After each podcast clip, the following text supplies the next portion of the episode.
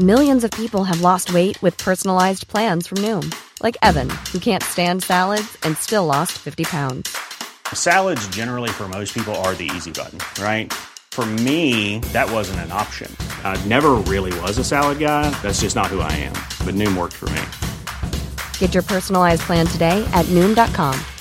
Real Noom user compensated to provide their story. In four weeks, the typical Noom user can expect to lose one to two pounds per week. Individual results may vary. One size fits all seemed like a good idea for clothes Nice dress. Uh, it's a it's a t-shirt. until you tried it on. Same goes for your healthcare. That's why United Healthcare offers a variety of flexible, budget friendly coverage for medical, vision, dental, and more. So, whether you're between jobs, coming off a parent's plan, or even missed open enrollment, you can find the plan that fits you best. Find out more about United Healthcare coverage at uh1.com. That's uh1.com. Hey, it's Danny Pellegrino from Everything Iconic. Ready to upgrade your style game without blowing your budget? Check out Quince. They've got all the good stuff shirts and polos, activewear, and fine leather goods, all at 50 to 80% less than other high end brands. And the best part? They're all about safe, ethical, and responsible manufacturing. Get that luxury vibe without the luxury price tag. Hit up quince.com slash upgrade for free shipping and 365 day returns on your next order. That's quince.com slash upgrade. jag har rätt bra självförtroende. Eller, jag, eller inte, inte sådär, men kanske någon grundtrygghet att det är klart det kommer gå. Du kan göra någonting som inte är ditt, dina färger, du kan träna upp och du måste göra det. Om du ska bli framgångsrik så måste du träna på allting. Alla preferenser behövs. Men du måste förstå att vissa saker tar på kraften och andra ger dig kraft. Jag tycker man alltid bör fråga sig själv det verkliga skälet. Varför håller jag på och förringar de som är framgångsrika nu och det är de det går bra för? Är det för att jag själv det inte går så bra för mig? Ta fram siffrorna. För när siffrorna är dåliga, då vill du inte titta på dem. Men upp med dem, må dåligt och gör någonting åt det.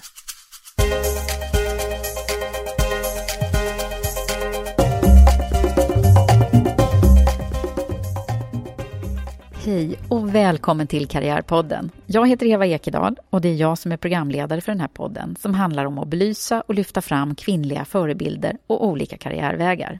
Den här veckan träffar jag Annika R Malmberg, VD för Hamilton Group och som ofta kallas för en av Sveriges mest färgstarka föreläsare.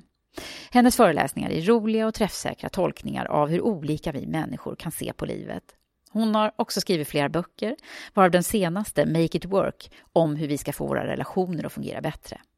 Hon är också aktuell med en teaterföreställning som heter Framgång. Annika och jag kommer förstås, eftersom vi båda utbildar i det, att prata om färgerna. Verktyget som handlar om att förstå sig själv och andra bättre och hur vi kan använda oss av det för att dra nytta av varandras olikheter. Nu ska vi få lyssna och lära känna Annika mer som person och om hennes barndomsdrömmars betydelse. Och vi får ta del av hennes framgångar, resan dit, men också svårare perioder i livet. Annika har så mycket energi. Även utanför jobbet älskar hon utmaningar. I en tid då många anser att vi borde varva ner och ta det lugnt säger Annika precis tvärtom. Ja, häng med och lyssna nu. Men innan vi startar så vill jag tacka min samarbetspartner, fackförbundet Unionen, som gör det möjligt att publicera och sända Karriärpodden. Men nu så, nu kör vi!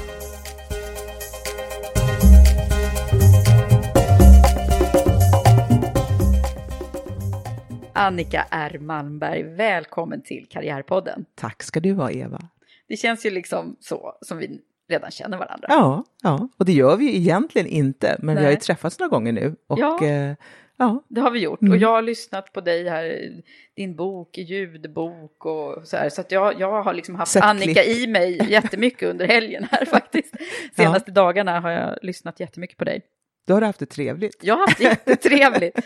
Eh, och det är ju så här med dig då att eh, du är ju känd som framgångsexpert och är väldigt, väldigt mycket ute och föreläser Ja. Mm. om karriär och framgång och hur man ska bli framgångsrik helt enkelt. ja.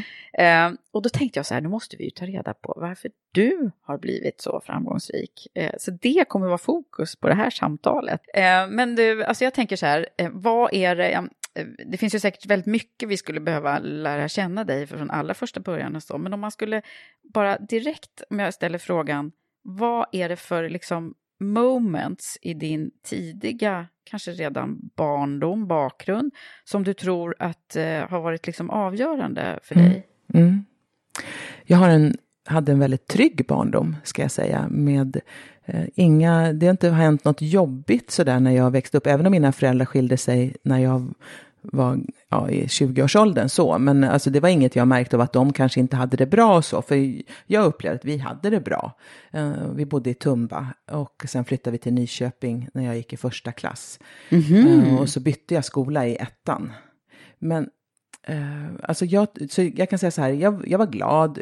Inga, jag har inga så här jobbiga saker från min barndom. Jag var väldigt påhittig och kreativ. Jag hade fantasifigurer bakom tavlorna, så där, små kompisar som jag, som min syster var tvungen att fråga min mamma om det var på riktigt, för hon blev så här rädd för att jag hade människor som bodde under sofforna och tavlorna. Och jag hade, jag hade nog väldigt mycket kompisar som där, alltså fantasikompisar, och det hände mycket och älskade att leka, eh, mo- alltså tyckte om allt som var skoj och spännande att leka. Så, Och så- så kreativ, det, det kan vi Ja. bocka av redan tidigt då. Ja, och så ville jag vara med. Och det där är ett drag som finns kvar i mig. Att jag ville vara...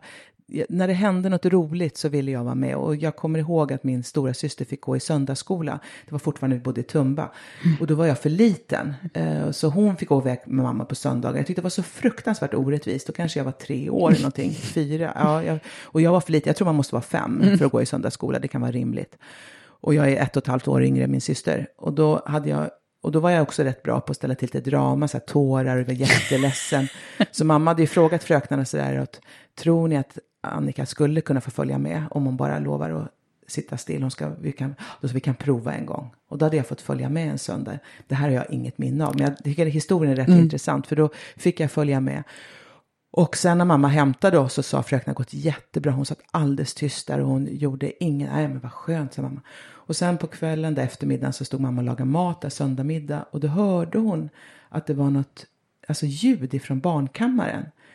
Eh, Och jag höll ju upp och pratade för mig själv, och höll på mycket sådär och lekte för mig själv. Så att hon gick hon till dörren och sen så tittade hon in genom springan. Och då hade jag radat upp alla mina gosedjur och dockor. Så de satt framför mig som en publik, en ring sådär. Ja. Redan då Ja, alltså. tänk, och då är jag fyra år kanske, om ett tre och ett halvt, fyra. Och så hade, stod jag framför dem och så var jag jättesträng och så stod jag så här, nu sitter du still Jesus, nu håller du tyst Jesus.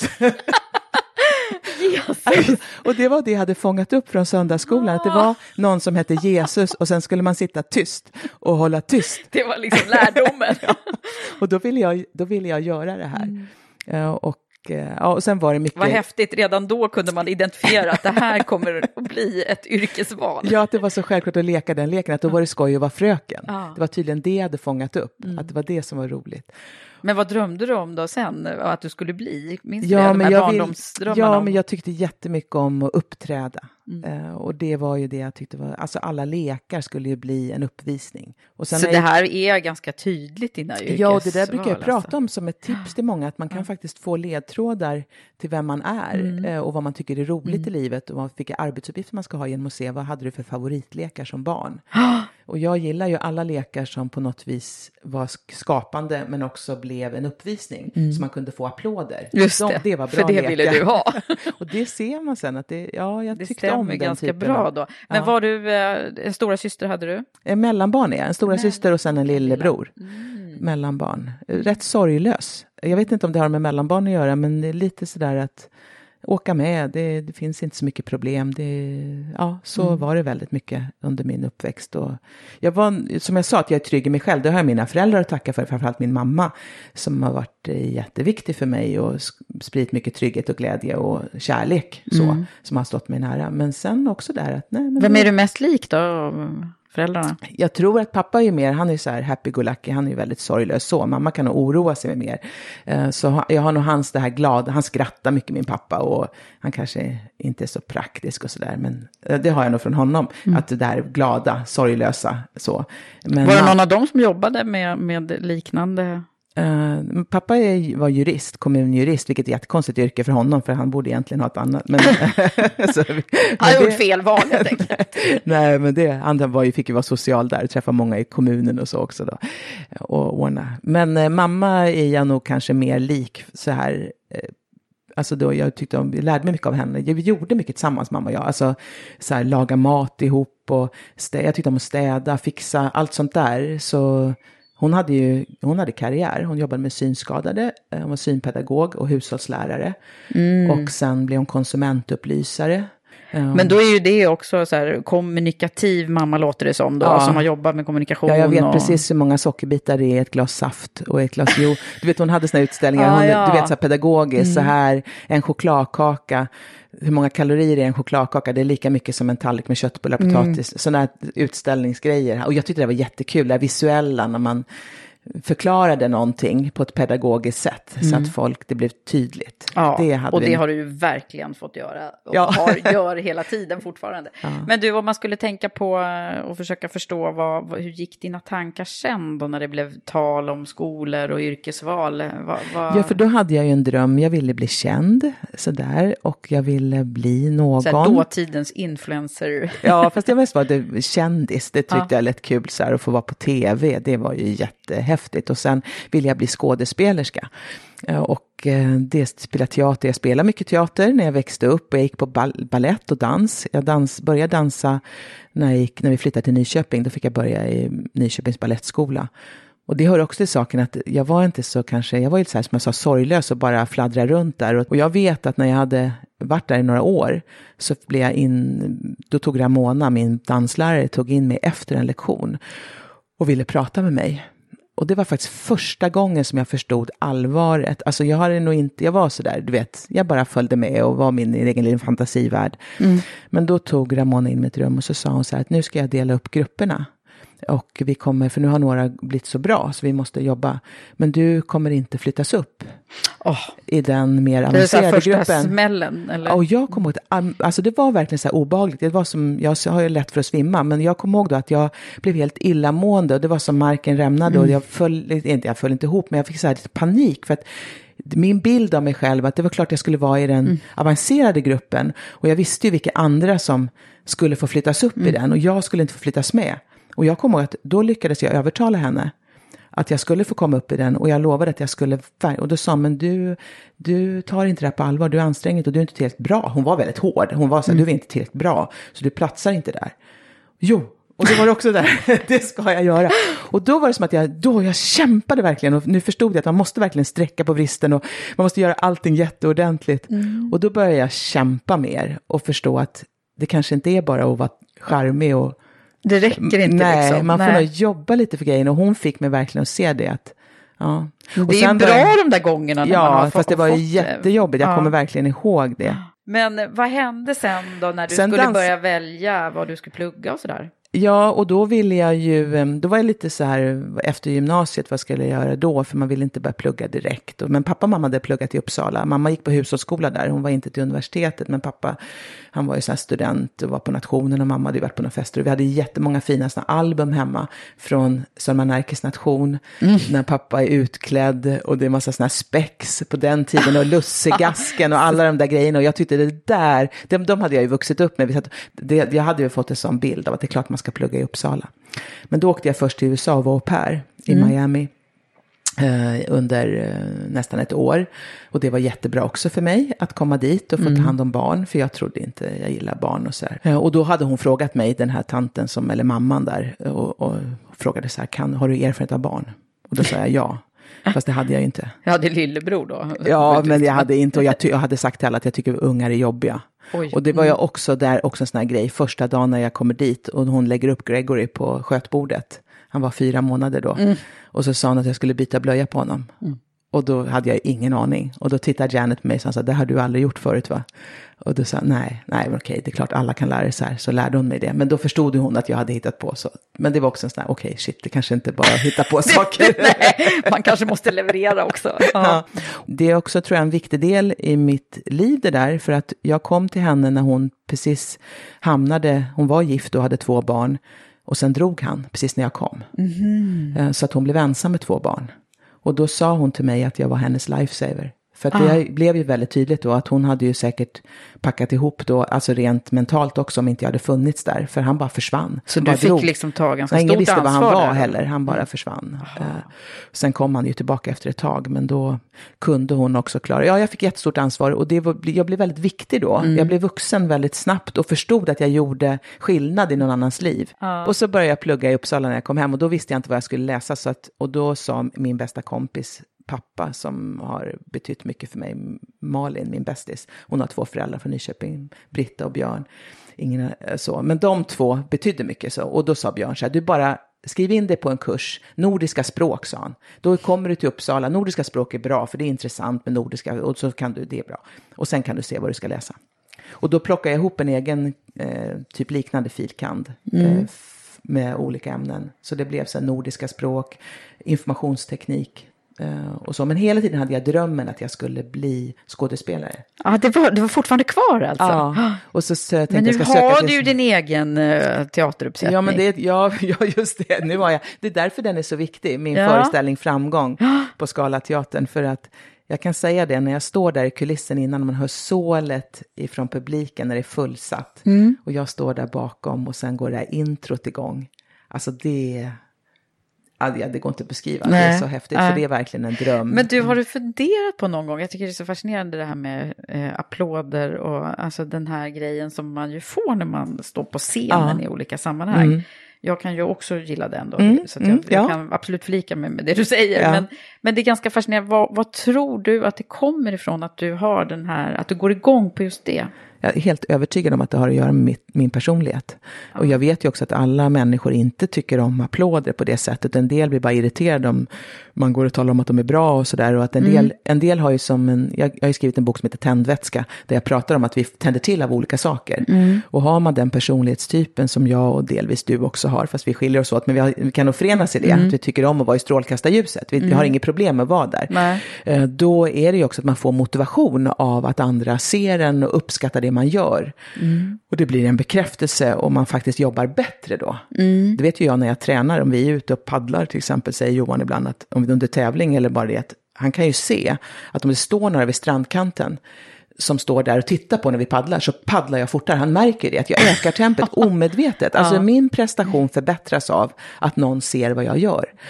Och det finns ju andra människor som presterar sämre när de har för mycket publik. Eller det är hela tiden någon som ska se vad de gör. Och det är ju om man, beroende på vilken Men det är person. ganska fascinerande med de här olika drivkrafterna Ja. som, som vi har. Mm. Vissa kan man ju liksom identifiera varför, liksom exakt därför eh, man fick för lite av någonting som man vill ö- ösa på med Just till exempel. ja. Men, men är det, det är inte så för dig att du har fått för lite bekräftelse när du var liten? Nej, det tror jag inte. Nej. Det har funnits där. Det är bara att jag mår bra av det. Och man möter ju ibland, jag tror alla som lyssnar på det här har träffat någon som inte kan sluta prata om sig själv. Och det är otroligt tröttsamt. Och någon som hela tiden tittar på mig och här är jag. Och, och vad du än säger så kan du referera till sig själv. Ja. Och jag tycker fruktansvärt illa om det. För jag tycker det är så dålig självinsikt. Att jag vet ju att jag har det här draget. Men jag försöker ta kontroll över det. Ja. Att det inte, för då blir man ju en plågsam person att vara med. Och det vill jag inte vara. Nej, Nej. Nej. men precis. Det gäller att balansera det där. Ja, mm. Eh, och det, det är ju väldigt intressant i dessa tider när det är så många som också gör liksom en influencerkarriär och, och Just det. så här, tycker jag. Alltså hur olika man kan hantera det här. Ja, och, och att en del, deras framgång bygger mycket på att de är så då starkt extroverta, men att de också har inga problem att berätta saker om sig själv. Jag menar, jag tänker Nej. på, när du säger influencer, men för mig förr var det ju bloggare, alltså det här att man bara berättar allt om sitt privatliv. Och där kan jag säga att det skulle inte jag kunna göra. Eh, jag skulle, nej, jag skulle och då kanske också att jag är inte bara det här att jag tycker om uppmärksamhet. Jag är också ett så här, lite att jag vill vara på min kant. Det här drivet, det här som jag, vi pratar färger, det eldröda och det solgula, de två extroverta färgerna då. Men, men jag kan säga så här att det, man ska inte tro att alla mår bra av strålkastarljuset och tycker det en trigger, utan, men om du har det i dig så utnyttja det och se till att du hamnar i ett jobb eller i en position där det finns utrymme för att få vara på scen ibland och få andras uppskattning, för då mår du ju bra och kommer prestera bättre.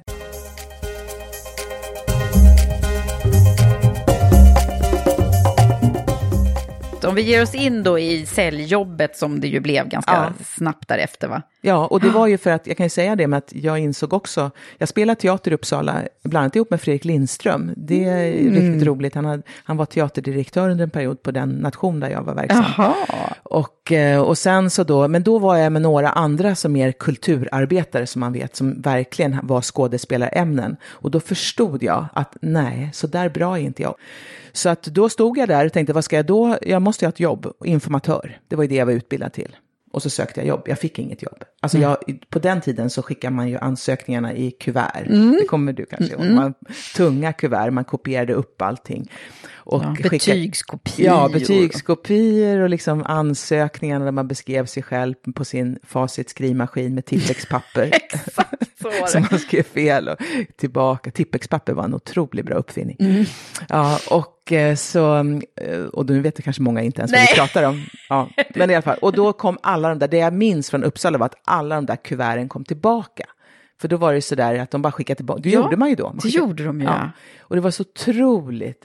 Och jag kom, då var jag verkligen så här, dipp, vad ska jag göra? Jag får inget jobb. Mm. Fanns inte LinkedIn då, eller man kunde gå ut i sitt nätverk och nej.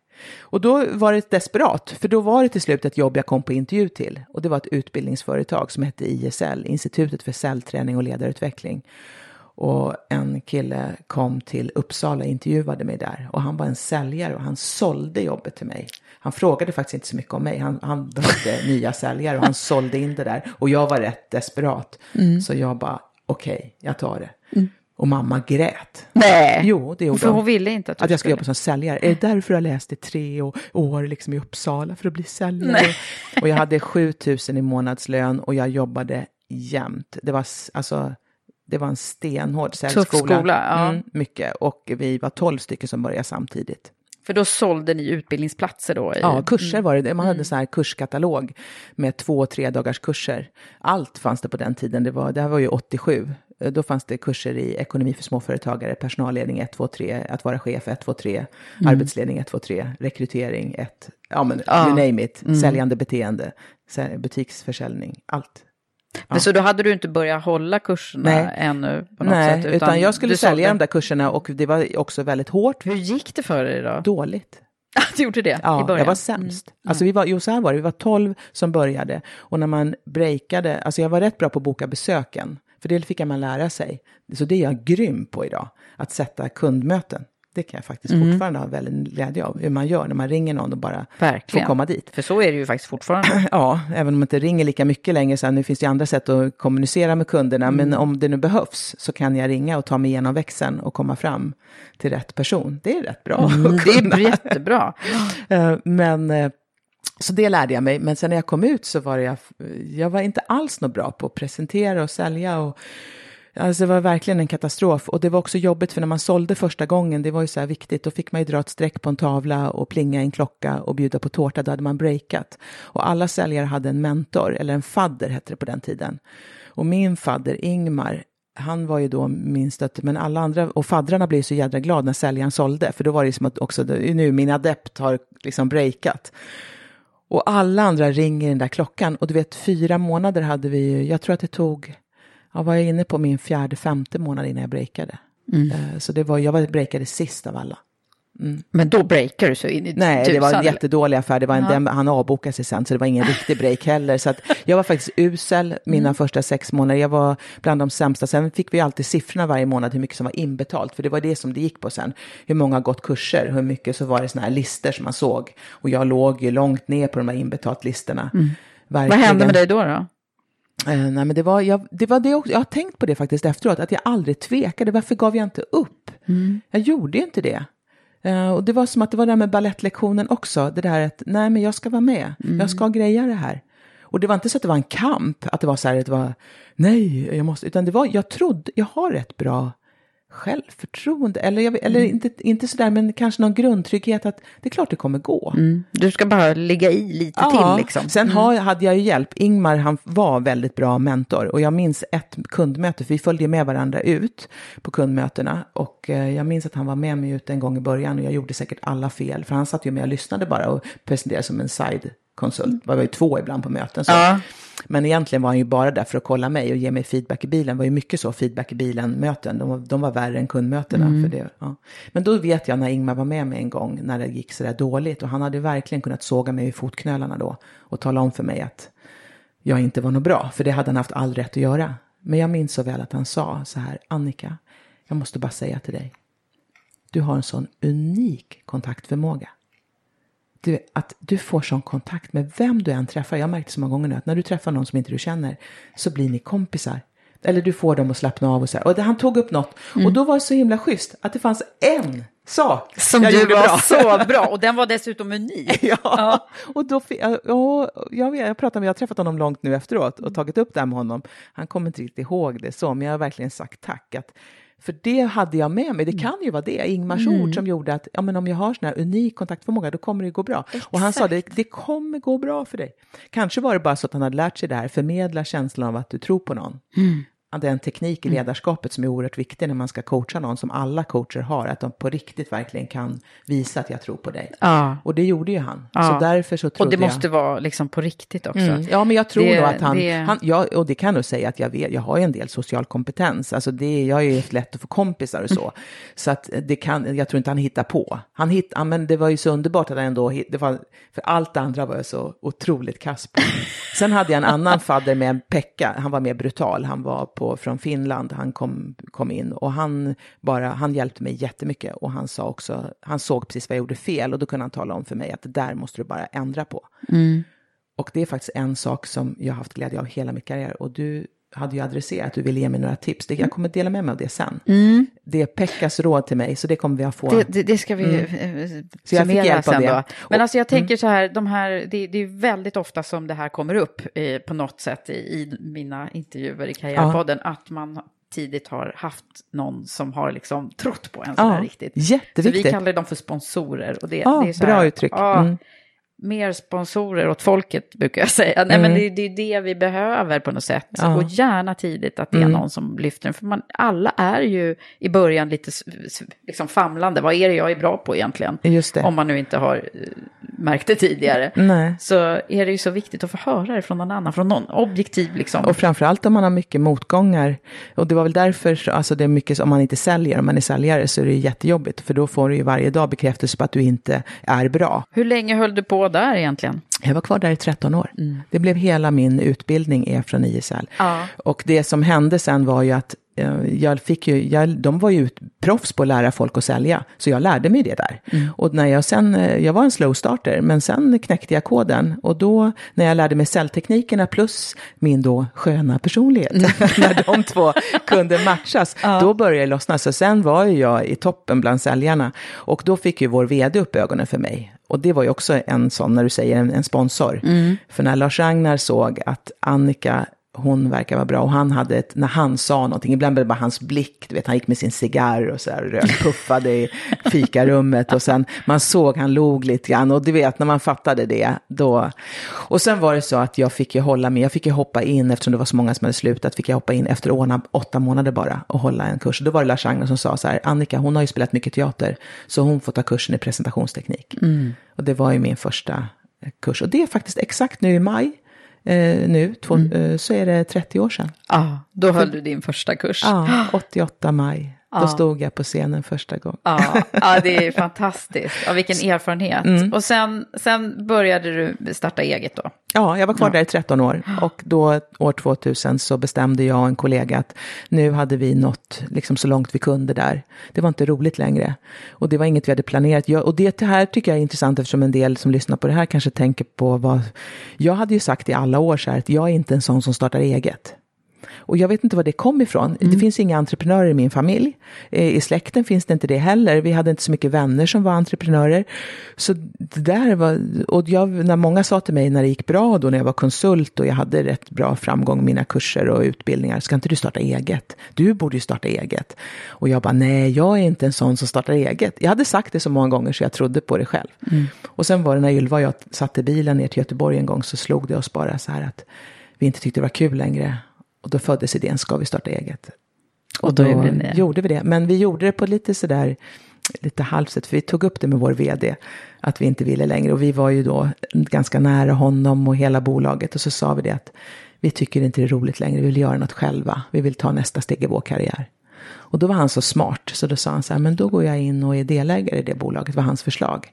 För då behöver ni, då kan ni liksom flytta över kunder direkt och vi kan göra det, med, liksom det ser bra ut ut mot kunderna internt och så. Jaha, så det, det var, var ju, han var ju en businessman i alla lägen, för han insåg väl också när det hade slutat många människor under en lång period på vårt bolag, det var lite nedåtgående spiral och skulle Ylva och Annika som ändå var de mest erfarna då, hade jobbat länge och vi var ju alltid kvar, skulle vi också sluta så kanske det skulle sarga verksamheten väldigt mycket. Så då var ju hans idé, då kunde han gå ut och säga att nu Annika, vi gör ett eget bolag. Så, så det blev som ett dotterbolag då? Eller? Ja, kan man säga. Eh, han ägde 30, hur var det nu då? 40 procent så ägde vi 30-30, vi ägde 60 och han ägde 40. Mm. Eller ISL då, ett bolag, ett holdingbolag, ja. gick in som ägare. Och så körde vi i tre år och det fina med det var att då, då, så kom vi överens om att vi kunde använda material som vi hade tagit fram på ISL ihop med, och, och så betalade vi royalty. Aha. en royaltyavgift varje år, så han kunde tjäna pengar på oss. Eh, och sen så vägde han ju 30 och då var ju tanken att om vi gjorde vinst skulle han få utdelning. Men vi gjorde ju ingen vinst och vi såg ju till att vi låg, Precis. ja, mm. tog ut löner så att vi gick plus minus noll då. Mm. Så gjorde vi tre år. Och sen så efter tre år så slutade vi med det bolaget. Då, då. då hette vi Team Design. Det är fortfarande samma orgnummer, men då hette bolaget Team Design Sverige AB. Mm. Så vi skulle jobba med team Men det var ett ganska bra sätt ändå att komma igång. Jättebra. Liksom. För att, men jag, annars skulle ni behövt börja helt från scratch med eh, liksom, material och... Ja, allting. Och sen var det ju också mot, jag har alltid känt ansvar mot kunderna. Och jag tyckte det var rätt trist när folk hade jobbat på ett konsultföretag och sen slutade och startade eget. Sen kom de uppvakta samma gamla kunder och liksom nu är det jag, och så visste man ibland att de till och med hade kopierat upp materialet ibland med samma stavfel som vi råkade ha. Man kunde se att de du vet, hade snott grejer. Ja, och vi, för mig är det också mycket etik.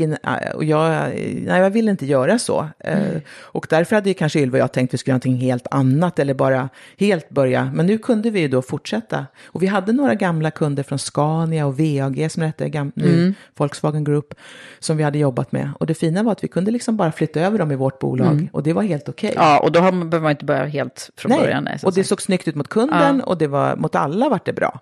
Men du, sen så drev ni det här tillsammans mm. i, i, många år. Åtta år. Mm. Och sen blev, hände det något? Ja, och då var det sen att det började ju gå, alltså vi hade olika drivkrafter och det där bör man nog prata igenom när man startar bolag. Båda två ville ju ha något eget, ha friheten det var, där var vi överens och vi gillar varandra och vi visste, vi kunde varandras styrkor och svagheter, vi kompletterar varandra. Eh, så allt sånt var jättebra och vi utvecklade ett bolag. Men då började jag ju se, då kom ju den här drivkraften hos mig att jag ville bli känd. Mm. Jag ville, och så märkte jag att det började gå bra. Och jag hade ju varit lite hemlig i den här verksamheten i så många år. Vi hade ju då, alltså hemlig på så vis att det var ju alltid bolaget som marknadsfördes. Du jobbade i ISL, det var ISL som gick ut och gjorde. Mm. Men nu fick jag gå ut och vara Annika. Och så märkte jag att folk gillade Annika och det jag gjorde. Och när jag liksom höll utbildningar, oj, och föreläsningar, och slog jag till micken här, det var därför jag sa oj. Uh, och föreläsningar, och nu börjar jag se att folk frågade efter Annika. Och jag började få mer och mer uppdrag och det började komma föreläsningar. Från början var det ju bara workshops och mm. utbildningsdagar. Och nu fick jag vara ute och föreläsa på olika såna här konferensdagar, öppna konferenser. Och då blev det ju mer Hi, I'm Daniel, founder of Pretty Litter. Did you know cats tend to hide symptoms of sickness and pain? I learned this the hard way after losing my cat, Gingy. So I created Pretty Litter, a health monitoring litter that helps detect early signs of illness by changing colors, saving you money and potentially your cat's life. Pretty Litter is veterinarian developed, and it's the easiest way to keep tabs on your fur baby's health right at home. Go to prettylitter.com and use code ACAST for 20% off your first order and a free cat toy. Terms and conditions apply. See site for details. I'm Sandra, and I'm just the professional your small business was looking for. But you didn't hire me because you didn't use LinkedIn jobs. LinkedIn has professionals you can't find anywhere else, including those who aren't actively looking for a new job but might be open to the perfect role, like me. In a given month, over 70% of LinkedIn users don't visit other leading job sites. So if you're not looking on LinkedIn, you'll miss out on great candidates like Sandra. Start hiring professionals like a professional. Post your free job on linkedin.com/people today. Mom deserves the best, and there's no better place to shop for Mother's Day than Whole Foods Market. They're your destination for unbeatable savings, from premium gifts to show-stopping flowers and irresistible desserts. Start by saving 33% with Prime on all body care and candles. Then get a 15-stem bunch of tulips for just $9.99 each with Prime. Round out Mom's menu with festive rosé, irresistible berry chantilly cake, and more special treats. Come celebrate Mother's Day at Whole Foods Market. Wow! Nice! Yeah! What you're hearing are the sounds of people everywhere putting on Bombas socks, underwear, and t-shirts made from absurdly soft materials that feel like plush clouds. Yeah, that plush. And the best part? For every item you purchase, Bombas donates another to someone facing homelessness. Bombas. Big comfort for everyone. Go to bombas.com slash ACAST and use code ACAST for 20% off your first purchase. That's bombas.com slash ACAST. Code ACAST. Hey there, it's Michelle Norris. I'm host of a podcast called Your Mama's Kitchen. When I travel, I'm usually looking for a way to find a taste of home when I'm not at home. And one of the things I love to do when I am at home is entertain. And Airbnb allows me to do that. When I was in California recently, I rented a house that had a great kitchen. And when we were sitting around the table, we're all thinking, we're in someone else's house. Someone could be in all of our homes as well. If you have a home, but you're not always at home, you have an Airbnb. Your home might be worth more than you think. Find out how much at airbnb.com slash host. Mer och mer. Och jag bara, nu kan man ju börja tjäna pengar, nu kan man bygga bolag. Och då ökar ju tempot. Och Ylva hade ju henne som starkaste drivkraft att hon ville ju ha friheten och kanske kunna göra det hon ville. Hon höll på mycket med hundar och tränade hundar. Och du vet, hon ville inte jobba så mycket. Nej, så du gick era intressen isär? Ja. Mm. Mm. Så då bestämde vi 2008 att, fast det var inte lätt heller såklart, det är ungefär som att separera. Mm. Uh, och sen är det också ekonomi och bolag och därför säger jag till alla, se till att ni har schyssta papper på hur det här ska gå till. Det som var jobbigt för mig var att det var Ylva och hennes dåvarande man som skötte ekonomin i bolaget. Jag hade ju ingen insyn. Jag visste ju inte hur vi låg till. Och jag vill, det var också en sån här grej att jag ville se mer. Och det, det skötte Ylva och Håkan. Så det blev också lite jobbigt Aha. där. Och jag mm. hade inte, det var ändå de som hade ett övertag när det mm. gällde pengar och siffror. Och, ja. Men eh, vi löste det där sen i alla fall. Men det var en jobbig period. Och vi var nog inte helt glada i varandra under den perioden. Nej, det, sen, det alltså kan det ju vara smärtsamt det där. Man... Ja, och liksom vem köper ut vem och vem har jobbat mest. Och mm. Eh, ja, olika åsikter om vem som har rätt till pengarna. Och, ja, det var tufft. Um, och också när man, liksom, när man blir pressad så visar ju människor andra sidor också, båda två. Så att, men uh, nu, är vi, nu är vi vänner igen och har mm. kontakt och allting mm. sånt. Ja, men, det var, ja. men vi var rätt färdiga, det var rätt skönt. Och det var otroligt skönt sen. När jag kunde För då vara var själv. du helt själv sen? Ja, då hade mm. jag köpt loss. Jag hade liksom, nu är det jag som driver det här bolaget och nu kör vi. Sådär som man säger. ja, ja, Och nu ska jag göra. Och då, började, då skrev jag ju min första bok. Just där det. också. Det var då ta, den kom. Ta skit, gör det till guld. Mm. Och den fick väldigt mycket uppmärksamhet. Ja, den fick det. Den, blev, den kom ju efter en föreläsning jag hade haft med Peter Svartling från Idol. Mm. Och det var en kompis till mig, Peter Stjernström, som kom på namnet Ta skit, gör det till guld. Och det var en föreläsning först. Mm. En föreställning, föreläsning slash, där vi visade klipp från Idol. Mm. Och eh, gjorde det här. Och sen gjorde jag om det till en bok och det blev en väldigt bra boktitel. Jag säger det, boktitelnamn Det är, det, är det som är grejen. Ja, Mm. så den var bra. Så att, och sen höll jag på att jobba ihjäl mig för att eh, när jag inte hade min kollega, nu skulle jag sköta allting, ekonomi, fakturering, eh, bok, och sen fick jag en bok som sålde och som skulle säljas och skickas och postas till människor. Och sen hade du fått eh, barn och familj också. Ja, och så hade jag ju skilt mig där. Det hade ju hänt innan faktiskt. Det hade hänt innan? Ja, ja det har vi inte pratat om. Nej, vad det hände var en då? jättejobbigt eh, period. Ja. Ja, det var ju faktiskt innan, det själv, då var ju Ylva med i bilden. Hon var ett Mm. jättebra stöd under skilsmässan. Då var det, det, jag kan nog säga att hon var otroligt viktig för mig då, för hon var min bästa vän och verkligen fick mig att se klart på vad som är vad. Men 2001 så, så bröt jag och min man upp. 2002 gick skilsmässan igenom om jag minns rätt. Någonstans där var det i alla fall. Och vi hade ju två barn ihop, de var ju sju och nio år. Mm. Eh, det var, jag visste under ett års tid att jag inte ville fortsätta mitt äktenskap. Det tror jag alla som kvinnor som lyssnar på det här, man vet det. När Mm. det är slut. Ja, det är så ja. Ja, man vet när inte det finns något hopp längre och så, men ändå så. Det är många som är så här i tvivel. Ja, för det är ju så otroligt hemskt och du tänker på dina barn och Mm. jag hade aldrig trott att vi skulle skilja oss. Jag var, tänkte vi är ju en familj och jag hade känt min man i åtta år innan vi gifte oss. Det var min bästa vän, Mm. verkligen. Så att jag kunde inte se framför mig att det här inte skulle finnas. Och jag vet att jag mådde jättedåligt en sommar och var så här, jag måste skilja, jag måste skilja mig. Och sen var det så jobbigt, så då bara bestämde jag för, nej, nu skärper du dig. Så där som jag kan göra till mig själv. Nu skärper du dig, lägg av, vad dum du är, det är klart du inte kan skilja dig. Nu biter du Här, ihop. du vet ihop Ja, där. så, och jag vet, jag är ju en väldigt glad person, det säger många som träffar mig, och jag vet att jag har ett bra humör, jag är levnadsglad, fick jag höra i helgen att många tycker jag är. Mm. Och det är jag. Men det som hände med mig då när jag skulle skärpa mig, det var att jag höll på faktiskt att gå under. Jag minns att jag var ute och le- jag leker mycket med mina barn, därför jag vill ha barnbarn, säger jag till alla, jag vill ha, sakna mina lekar med barnen. och så vet jag att jag var ute med Alexandra och Henrik i skogen, för vi lekte ofta sådär, och då var på hösten där, när jag skulle skärpa mig, hade skärpt mig i två månader. Och vi höll på med någon lek i skogen med någon koja. Och jag minns, jag kommer ihåg det ögonblicket så väl, för att jag var inte där. Jag, jag var inte med dem, jag lekte fast jag inte lekte, Nej. eller jag, jag var någon annanstans. Och jag kom på mig själv, det är nog så här man känner när man mår dåligt, för att jag mådde inte bra.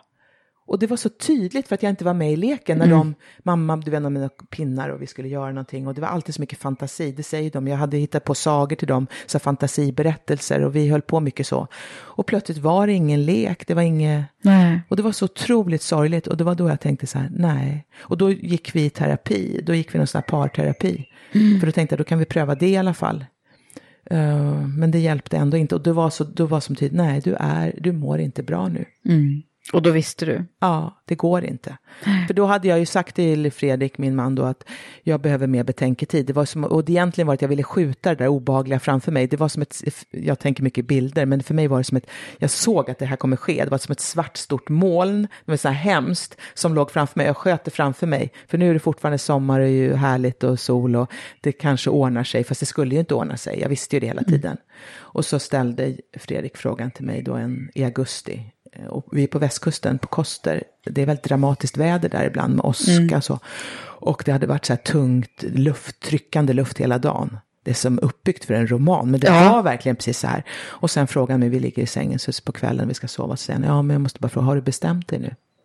Har du bestämt dig? Så här frågar han. För jag har inte tagit upp det, jag har inte pratat om det här. Mm. Och då säger jag bara, att då var det bara, ja jag har bestämt mig, jag vill skiljas. Mm. Och precis då så bara smäller det till. Alltså du vet, det finns såna och åskvädret på västkusten, det är Ah. inte nådigt. Alltså rutorna bara skallrade och blixtrarna slog. Och han vart ju så arg. Mm. Och det var verkligen han och vädret. Och det var hemskt. Och ändå var det, åh vad skönt, nu har jag sagt det. Så det Så var det här- ändå, jag kan säga det, det var en otroligt jobbig period och det var en, en av de jobbigaste perioderna jag haft i hela mitt liv. Den hösten. Eh, allt som hände då, för min man blev sjuk och det var, och alla, jag fick alla emot mig på hans sida och familj och Mm. vänner och de tyckte jag var hemsk. Och, men ändå så var jag glad, eller glad ska jag inte säga att jag var, Mm. det är fel ord, men lättad då. Eller det var, det gick att andas. Mm. Jag tror det är många som Ja. känner igen, alltså. Mm. Men det var ju en otroligt tuff period, Mm. alltså det var det på många sätt.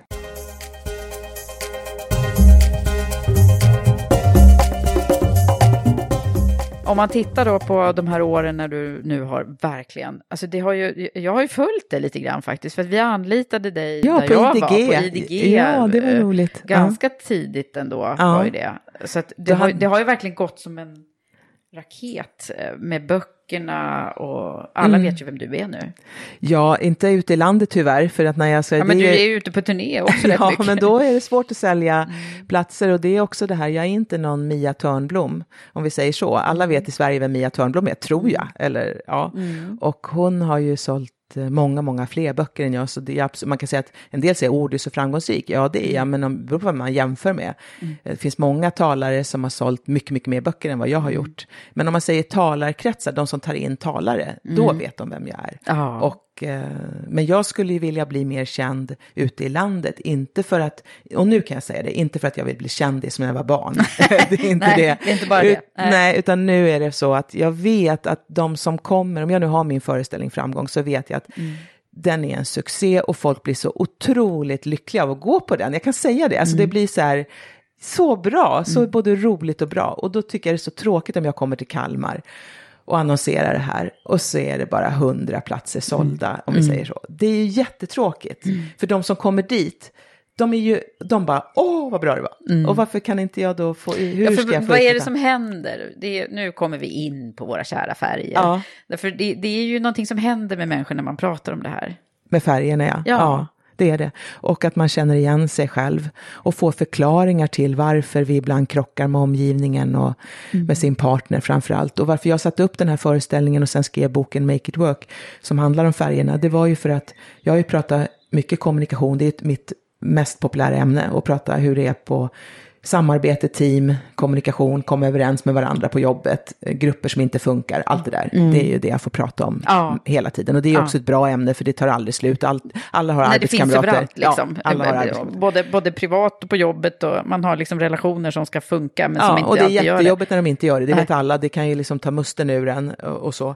Så att eh, därför vill ofta chefen att jag ska prata om det här och det är populärt och jag gör det på ett roligt sätt så att det inte blir så dramatiskt och tungt och så. Men ändå att man får verktyg. Mm. Och då har det ju inte, under de här åren när det ämnet har blivit mest, absolut mest populära så har det ju inte gått en enda föreläsning utan att någon efteråt kommer fram och vill prata om sin partner. Nej, precis. Alltså det händer ju hela tiden. också, ja. Och det är till och med sådär att de vill skicka sin partner till mig Mm. eller undrar hur kan man göra det här?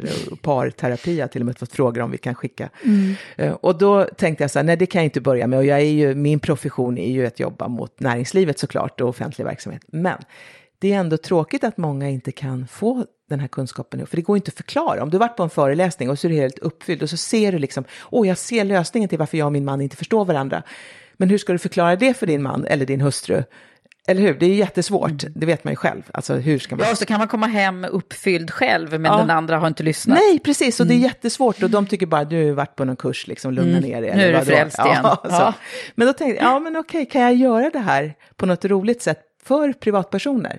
Och det var också en kvinna som har jobbat på Tala Forum som nu var på mitt förlag eh, som heter Volante där jag har gett ut en bok då. Och då sa Ulrika så här när hon hade varit och lyssnat på mig, för hon har ju sett så många och också många ståuppare och komiker och de som har, Mm. du vet, alla sådana som har för, så här kvällsföreställningar. Då sa hon det att, vet du vad, ditt material, det håller, det är så jädra bra. Det här är nästan som stand-up. Mm. Du skulle kunna göra en kvällsgrej. Och när hon sa det sådär att du borde göra någonting Mm. för privatpersoner, då gjorde jag det.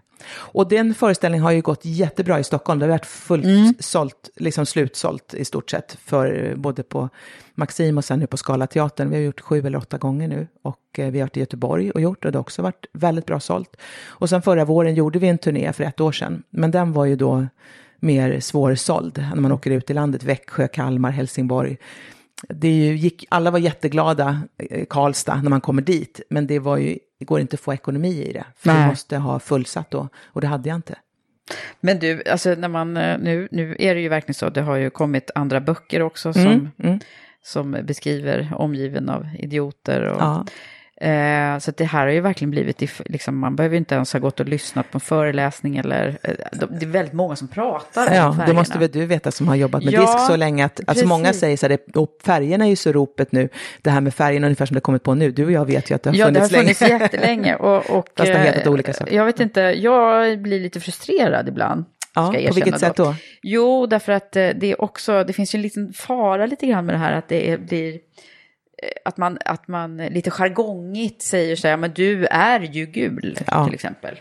Och, och så enkelt vet ju både du och jag eh, att det inte är, utan vi är, det, människan är ju betydligt mer komplex än så. så att Ja. Det är väldigt lätt hänt att, att eh, vad ska man säga, att det blir lite för jargongigt. Ja, Liksom. håller med dig. Och Eh. den, det kan nog säga att den här boken har varit med och en del i det. Att det, folk tycker den är kul och det är oftast eh, att det, det var därför jag också vill skriva min bok. Och om man hör hur jag pratar om färgerna så gör jag det kanske på ett annat sätt än både i Mm. den boken och hur det beskrivs där. Men det jag vill komma till som har blivit en risk med det här. Och det vet inte jag om du har samma erfarenhet Eva, men när man säger det här med färger så låter det som att okej, okay, om du är röd, då är du resultatinriktad driven och då tävlar du och då gillar du att vinna och då kan du bli framgångsrik. Är du blå, då är du mer trög och analytisk och noggrann och då kommer det vara svårare för dig att lyckas. Eh, är du gul, ja då gillar du strålkastarljuset, men du är lite så här tjolahopp tjolahej, du tar inte så mycket ansvar. Alltså det blir så här, ja så är du. Och mm. är du grön så är du varm och snäll, men då är du lite mesig, ungefär. Alltså ja. det blir sådana där schablonbilder. Och mm. det jag får säga hela tiden det är att Visst, du har olika mycket av de här färgerna. Och jag kanske har minst av blått, för det har jag minst av då. Det är havsblå, analytisk, kritisk granskande. Men jag kan ju använda blått ändå. Och det, bara för att ha lite av en färg betyder inte att du inte är kapabel att använda det. Du kan ha lite rött, eldrött resultatmål. Du kan ändå använda det. Du kan vara grym på att använda det. Jag har en son som har tagit, jag tar upp det ofta, han är inte eldröd när han tar fram sina, men han har ju vunnit nio SM-guld i sprint. Mm. Han har verkligen tävlat på hög nivå, alltså i friidrott trots att han inte är eldröd. Mm. Och det jag vill bara tala om för människor, för det blir sån missuppfattning här att man tror ja, det är att precis färg... det jag menar, ja. att, man, att man, det blir för dömande på något sätt. Och Men man vet tror du vad att det man är, är Och det är ju dessutom det är beteendestilar man beskriver. Ja. Det är ju inte liksom personliga egenskaper som man liksom har utan det här kan ju också dessutom ändras lite beroende på roll. ja, man kan träna. Men det jag vill komma till, jag tror ju så här att personligheten, där är kanske disk lite annorlunda för insight som jag jobbar i, men där säger man att du har dina färger, din personlighet och de tror ju inte jag då att man ändrar så mycket, men däremot alltså då får du ett slag i huvudet om du ändrar din personlighet. Men du kan ju träna upp din förmåga, nu höjer jag mina händer, det ser mm. inte ni, men liksom, man kan träna upp sin förmåga att använda en färg, alltså som min son kan träna på att tävla mm. och bli bra på det. Jag kan träna på att använda mitt blåa eh, och göra det riktigt bra. En del tror ju ibland att jag är blå för att jag är så organiserad och kommer aldrig för sent och har koll på grejerna, du vet, så här superstrukturerad. Mm. Men jag tränar på det men det enda som jag vet att jag inte är blå, det är att jag blir vansinnigt trött av att göra en sak som inte är mitt eget temperament. Mm. Så att det, jag menar, om du, en analytisk person kan träna upp sin förmåga att stå på scen och hålla tal, och de kan göra det fantastiskt bra. Jag vill påstå att några av de bästa tal jag har hört, du vet när någon anhörig fyller år eller mm. bröllop och så, det är för en havsblå person som verkligen tagit uppgiften på allvar, förberett sig, tänkt igenom, mm. vägt varenda ord på guldvåg, skrivit ihop ett manus som de följer minutiöst och det är så vackert och fint. Ja men precis, ja. Det, det, och det är precis det jag menar också, så där pratar vi absolut ja. samma språk Annika. Det, ja. eh, jag brukar prata om att man, att man kan åka hiss i sina färger ja, eller vrida Men på sin frekvensknapp. Men det jag tror att den personen, om jag tar den där, om jag tänker på en speciell man som höll ett sånt fantastiskt tal, så vet ju jag det att efteråt så vill nästan han åka hem från festen. Alltså du vet att det, mm. det har inte, att vara där i centrum och alla tittade på honom och han skulle vara där och spela ut mm. och göra och vara känslosam. För honom var det otroligt jobbigt. Mm. Så att han blir trött av det. Det var inte lika liksom nära hans grundbeteende. Nej, och därför så ger det inte honom någonting. Nej. Men om en extrovert person, en solgul, får göra det där talet, då blir de nästan höga efteråt mm. och vill hålla ett tal till. Mm. Är du med? Så ja, ja. Och det är det jag menar på att liksom, du kan göra någonting som inte är dina färger, du kan träna upp och du måste göra det. Om du ska bli framgångsrik så måste du träna på allting. Mm alla preferenser behövs. Men du måste förstå att vissa saker tar på kraften och andra ger dig kraft. Precis. Och det är därför det är viktigt att hamna i ett Om man jobb. har sitt liksom naturliga grundbeteende pratar ja. vi om där. Ja. Och att man ibland anpassar sitt ja. beteende. Och då så mm. det, det, men jag tycker att det är en fantastisk modell. Eh, mm. och jag har använt den så mycket även i alla, alla möten och när man kommunicerar med människor. Det är det som är den stora vinsten Just tycker jag. Ja. Att man kan möta människor på ett mycket bättre sätt om man om Ja, man och anpassa sig. Och sen också, men, och många gånger tycker jag, framförallt om man läser omgivna idioter, då är det lite grann så här som att man ska hitta ett sätt att prata med folk hela tiden. Så om du träffar en röd ska du prata så här, prata en blå, prata mm. så här. Och till slut så tänker jag att det här kan ju bli väldigt konstigt för att, och, och säg så här då, du har en partner du jobbar med, du har en partner du lever med. En, du kan liksom inte hålla på och spela ett spel hela tiden och hitta, ja, ska jag alltid prata så här? Utan vi måste ändå bara hitta ett sätt, det jag menar med min bok Make It Work, vi måste hitta ett sätt där vi får det här att funka. Jag måste få vara Annika, Johan måste få vara Johan. Mm. Men vi måste ändå, alltså jag kan inte göra om mig själv och hela tiden vara på, som Johan för att han är röd. Det går ju inte jag är Annika, mm. då blir jag olycklig. Eh, och då måste vi acceptera att vi ibland är olika och bara ta en del grejer. Och jag ibland får vi bara anpassa oss och mötas på halva vägen. Och det där är inte helt enkelt. Nej. Man behöver en manual. Ja, men verkligen.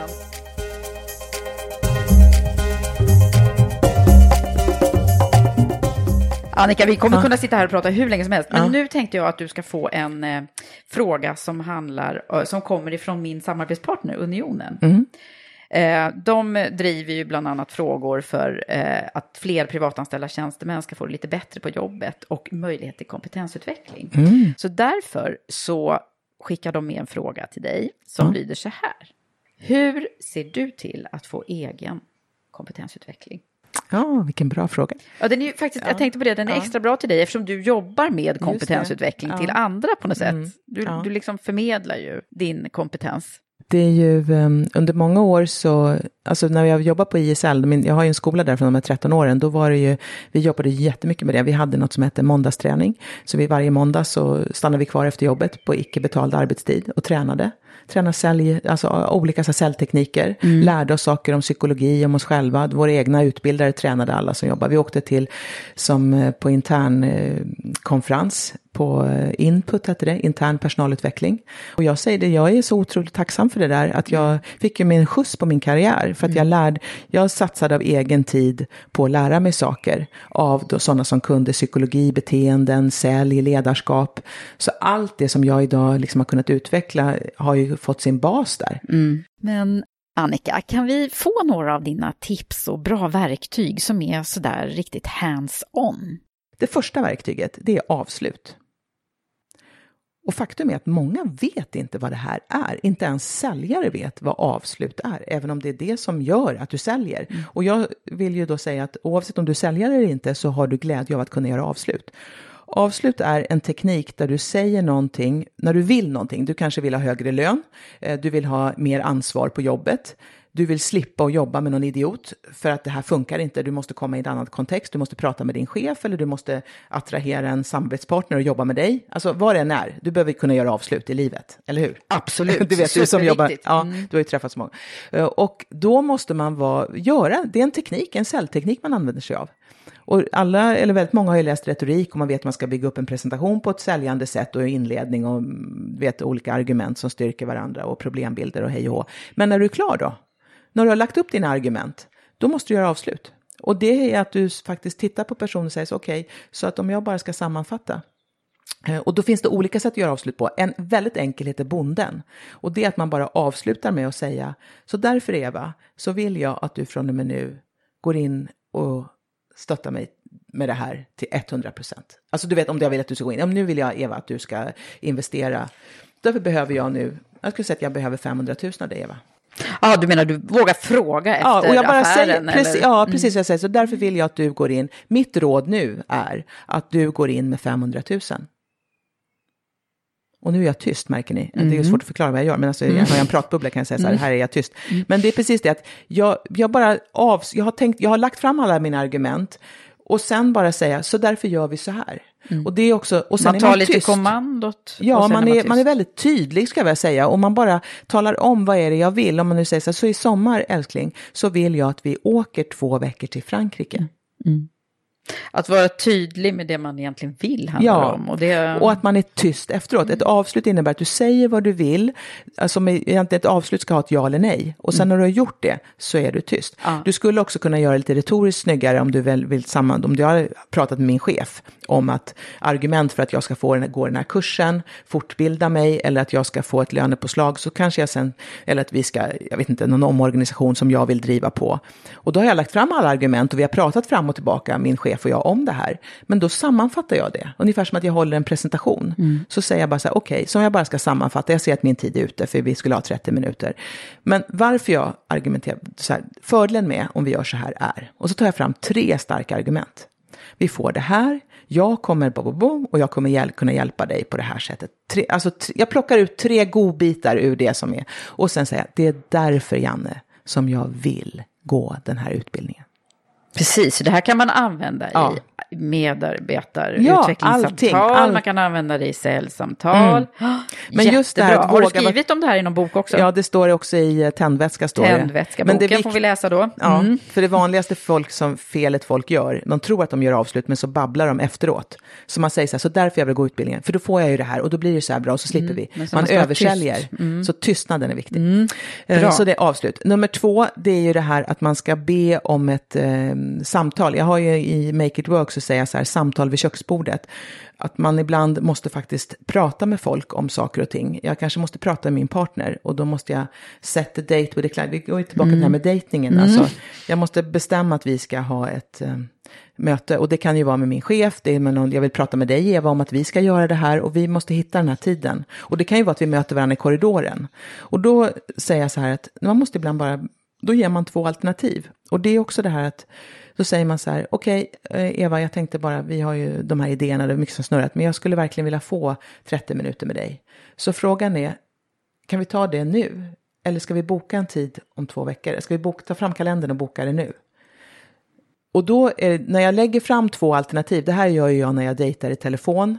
Det kallas inom retoriken för ett falskt dilemma, för jag ger dig två alternativ och du kan då egentligen... Mm.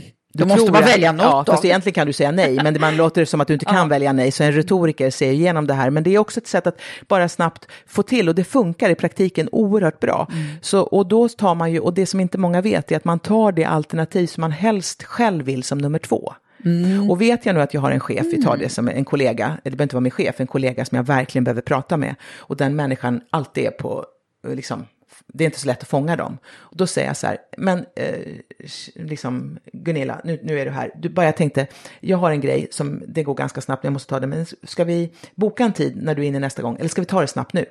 Och då säger de i nio fall av tio, så, här, "Ja, vi tar, Ja, men vi tar det snabbt nu. Ja. Ja.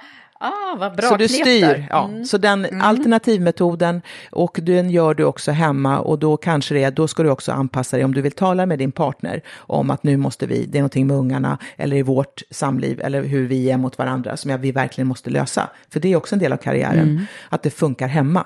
Då måste man snacka om det och då kan man snacka vid köksbordet. Men då ska jag ju, har jag då en introvert partner, Mm. Då ska jag ju verkligen gå på alternativ nummer två. Alltså jag ska ju inte säga att det här att eh, vi ska ta det nu direkt. Nej, utan, det är så här, säger jag kan, vi, kan vi boka en tid Ja, och jag vill, jag, det är det här jag vill prata om dig och det här och det här och då och det är för att, mm. och är det en extrovert person och de är så snabba, då, då vill de ju ta det direkt. Ja. Så då får man ju göra efter den personen. Mm. Precis. Mm. Så det är nummer två. knep. Ja, det är två. Och sen det tredje då, tipset, för om du ska få tre konkreta bra tips, så har vi det här med destruktiva grupper. Mm. Och eh, det är också ett begrepp, då, det fick jag lära mig ganska snabbt, och det är det att eh, när du är i ett karriäryrke som har mycket med att vara framgångsrik och prestera och så, som de flesta är, så är det ju inte alltid det går bra. Det finns ingen människa som bara har bra dagar när man jobbar som säljare eller om du, vad du än gör. Mm. Du nail it varje dag, nej det gör du inte. Och ibland är det tungt och motigt. Och det som händer då är att då kan man inte känna någon samhörighet med dem som det går bra för. Om jag har tjejkompisar som nu bara allting bara flyter på i livet med, eller jag har dem på jobbet, det är några andra där, allt verkar gå deras väg. Men jag har det så jädra tufft och motigt nu. Då är det ju bara jobbigt att vara med dem som är framgångsrika, för jag kan ju inte känna någon samhörighet med dem. Vad som händer med mig då, det här är, det är psykolog. väldigt intressant där. Ja, Mm. Men då, då letar jag omedvetet efter någon som inte lyckas heller så bra. Eller så är det någon annan som inte lyckas så bra som letar efter mig. Vi, alltså människor som inte presterar har en tendens, eller inte det går så bra för just nu, har en tendens att hitta varandra. Mm. Ja, det kan man ju dra i, i stora, alltså Ja, se hela överallt. samhället. och- Ja, ja, men precis. Och då är det ju så skönt att vara med den här personen, för eftersom vi då känner, vi alla har ju ett behov av samhörighet, även om det sociala behovet är olika stort, men man har ju alltid någon man vill ändå känna att man hör ihop med. Och nu hör jag ihop med den här. Mm. Och det som stärker vår samhörighet är att vi blir så otroligt överens om att de andra gör fel, att de är de som blir lurade eller utnyttjade Mm. eller är liksom maskiner eller robotar eller vi är ju de som ändå njuter av livet eller vi är de som Ja, och, Så egentligen så liksom drar man ner sig själv Ja? Mm. alltså det, och det här är så, när du, jag har ju själv hamnat i en dåliga säljares klubb under en period i min karriär. Du märker inte när du är, är där, förstås, eftersom Nej. det är omedvetet. Mm. Det är ju ett sätt för dig att rädda dig just nu och må bra i en situation när du mår dåligt. För att om det är fel på chefen och företaget och produkterna, då är det ju inte fel på mig. Det är inte undra på att vi inte lyckas, eftersom det är ju liksom helt galet det här företaget just nu. Mm. Och ibland är det ju så, det här är ju svårt, ibland kan det ju faktiskt vara att det här är en arbetsplats som ett sjunkande skepp, du ska dra härifrån. Precis. Ja, Mm. så att då är det, Det är ju också det som hälsosamt. brukar hända. Ja, ja, men det är ju hälsosamt ibland att faktiskt inse att det här är inte bra. Men jag tycker man alltid bör fråga sig själv det verkliga skälet. Varför håller jag på och förringar de som är framgångsrika nu och det är de det går bra för? Mm. Är det för att jag själv det inte går så bra för mig? Och det är därför den här framgångsfällan som en del pratar om, en del säger så här, framgångsfällan, man jagar framgång och, och det är inte hälsosamt att jaga framgång, det är det man blir lycklig av. Så tänker jag så här, har jag någonsin träffat en person som just nu är framgångsrik och som där allting det går bra för deras liv, alltså privat och yrkesmässigt. Har jag mött en sån person som sen sagt att framgång, det är en fälla. Men det har man ju inte, utan de som säger det är ofta en person som just nu inte upplever framgång. Mm. Som kanske en gång var framgångsrik, men just nu det dalar lite. Mm. Och då sen nu har genomskådat Så vad ska man göra då? Nej, men i de här lägena... Ta rygg på dem som det går bra Ja, även om det är jädrigt jobbigt. Det är ungefär som när jag sticker iväg och tränar med de som är mycket bättre än jag. Helst vill jag ju inte det. Nu ska en mountainbike-grupp köra i Hellas och jag vet, jag är hälften så bra som dem. Mm. Uh, och då är det klart förnedrande att cykla med dem, för jag kommer komma sist och det är jädrigt jobbigt. Då kan jag ju hellre cykla med de här mm. nybörjarna.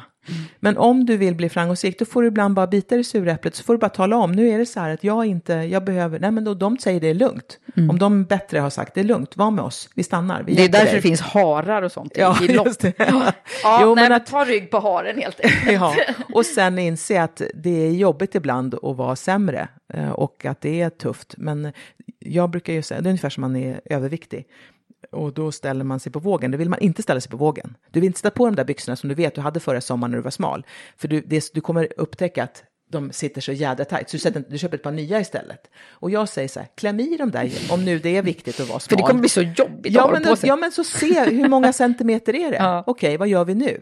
Ställ dig på vågen, okej, okay, det är fem kilo över. Ja, det var jädrigt ruttet. Men då är det fem kilo. Antingen kommer du fram till, jag bryr mig inte, fine. Eller så säger jag bryr mig visst. Ja, men gör något åt det då. Mm. Så det där, ställ dig på vågen, det är en metafor. Våga se det i spegeln. Mm, ta fram siffrorna. Mm. För när siffrorna är dåliga, då vill du inte titta på dem. Nej, precis. Men upp med dem, må mm. dåligt och gör någonting åt det. Så talar en riktig framgångsexpert. Vad härligt Annika att få ha dig här i Karriärpodden. Det var så skoj. Vi, har, ni, vi sitter på en fantastisk plats med en utsikt över vatten och träd och sommaren och vi har det rätt bra. Och fåglarna har kanske stört lite på kvitter, på, för vi har varit tvungna att ha öppen dörr. Ja, men det är inte bara miljön, det är du som är härlig att mm. prata med. Tack, Jag har haft det bra här. Tack.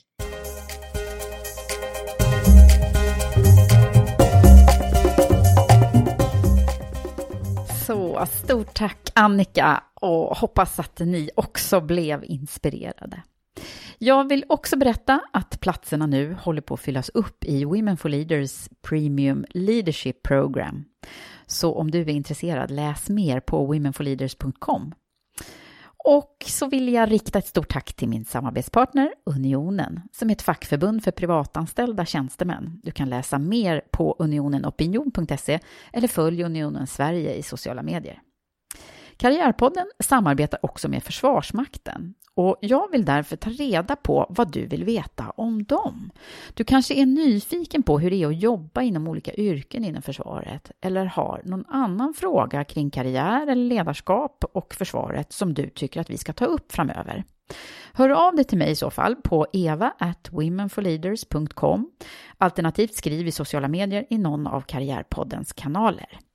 Men nu så, ha det nu så bra i denna ljuva sommartid så hörs vi och ses snart igen. Hej så länge!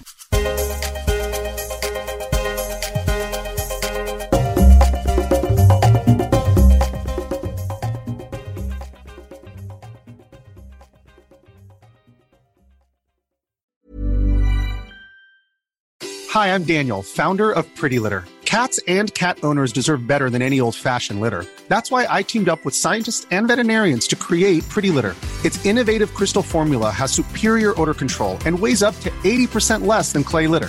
Pretty Litter even monitors health by changing colors to help detect early signs of potential illness. It's the world's smartest kitty litter. Go to prettylitter.com and use code ACAST for 20% off your first order and a free cat toy. Terms and conditions apply. See site for details. Hey, it's Paige DeSorbo from Giggly Squad. High quality fashion without the price tag? Say hello to Quince. I'm snagging high-end essentials like cozy cashmere sweaters, sleek leather jackets, fine jewelry, and so much more. With Quince being 50 to 80% less than similar brands. And they partner with factories that prioritize safe, ethical, and responsible manufacturing. I love that. Luxury quality within reach. Go to quince.com slash style to get free shipping and 365 day returns on your next order. quince.com slash style. Mom deserves the best, and there's no better place to shop for Mother's Day than Whole Foods Market. They're your destination for unbeatable savings, from premium gifts to show-stopping flowers and irresistible desserts. Start by saving 33% with Prime on all body care and candles. Then get a 15-stem bunch of tulips for just $9.99 each with Prime. Round out Mom's menu with festive rosé, irresistible berry chantilly cake, and more special treats. Come celebrate Mother's Day at Whole Foods Market.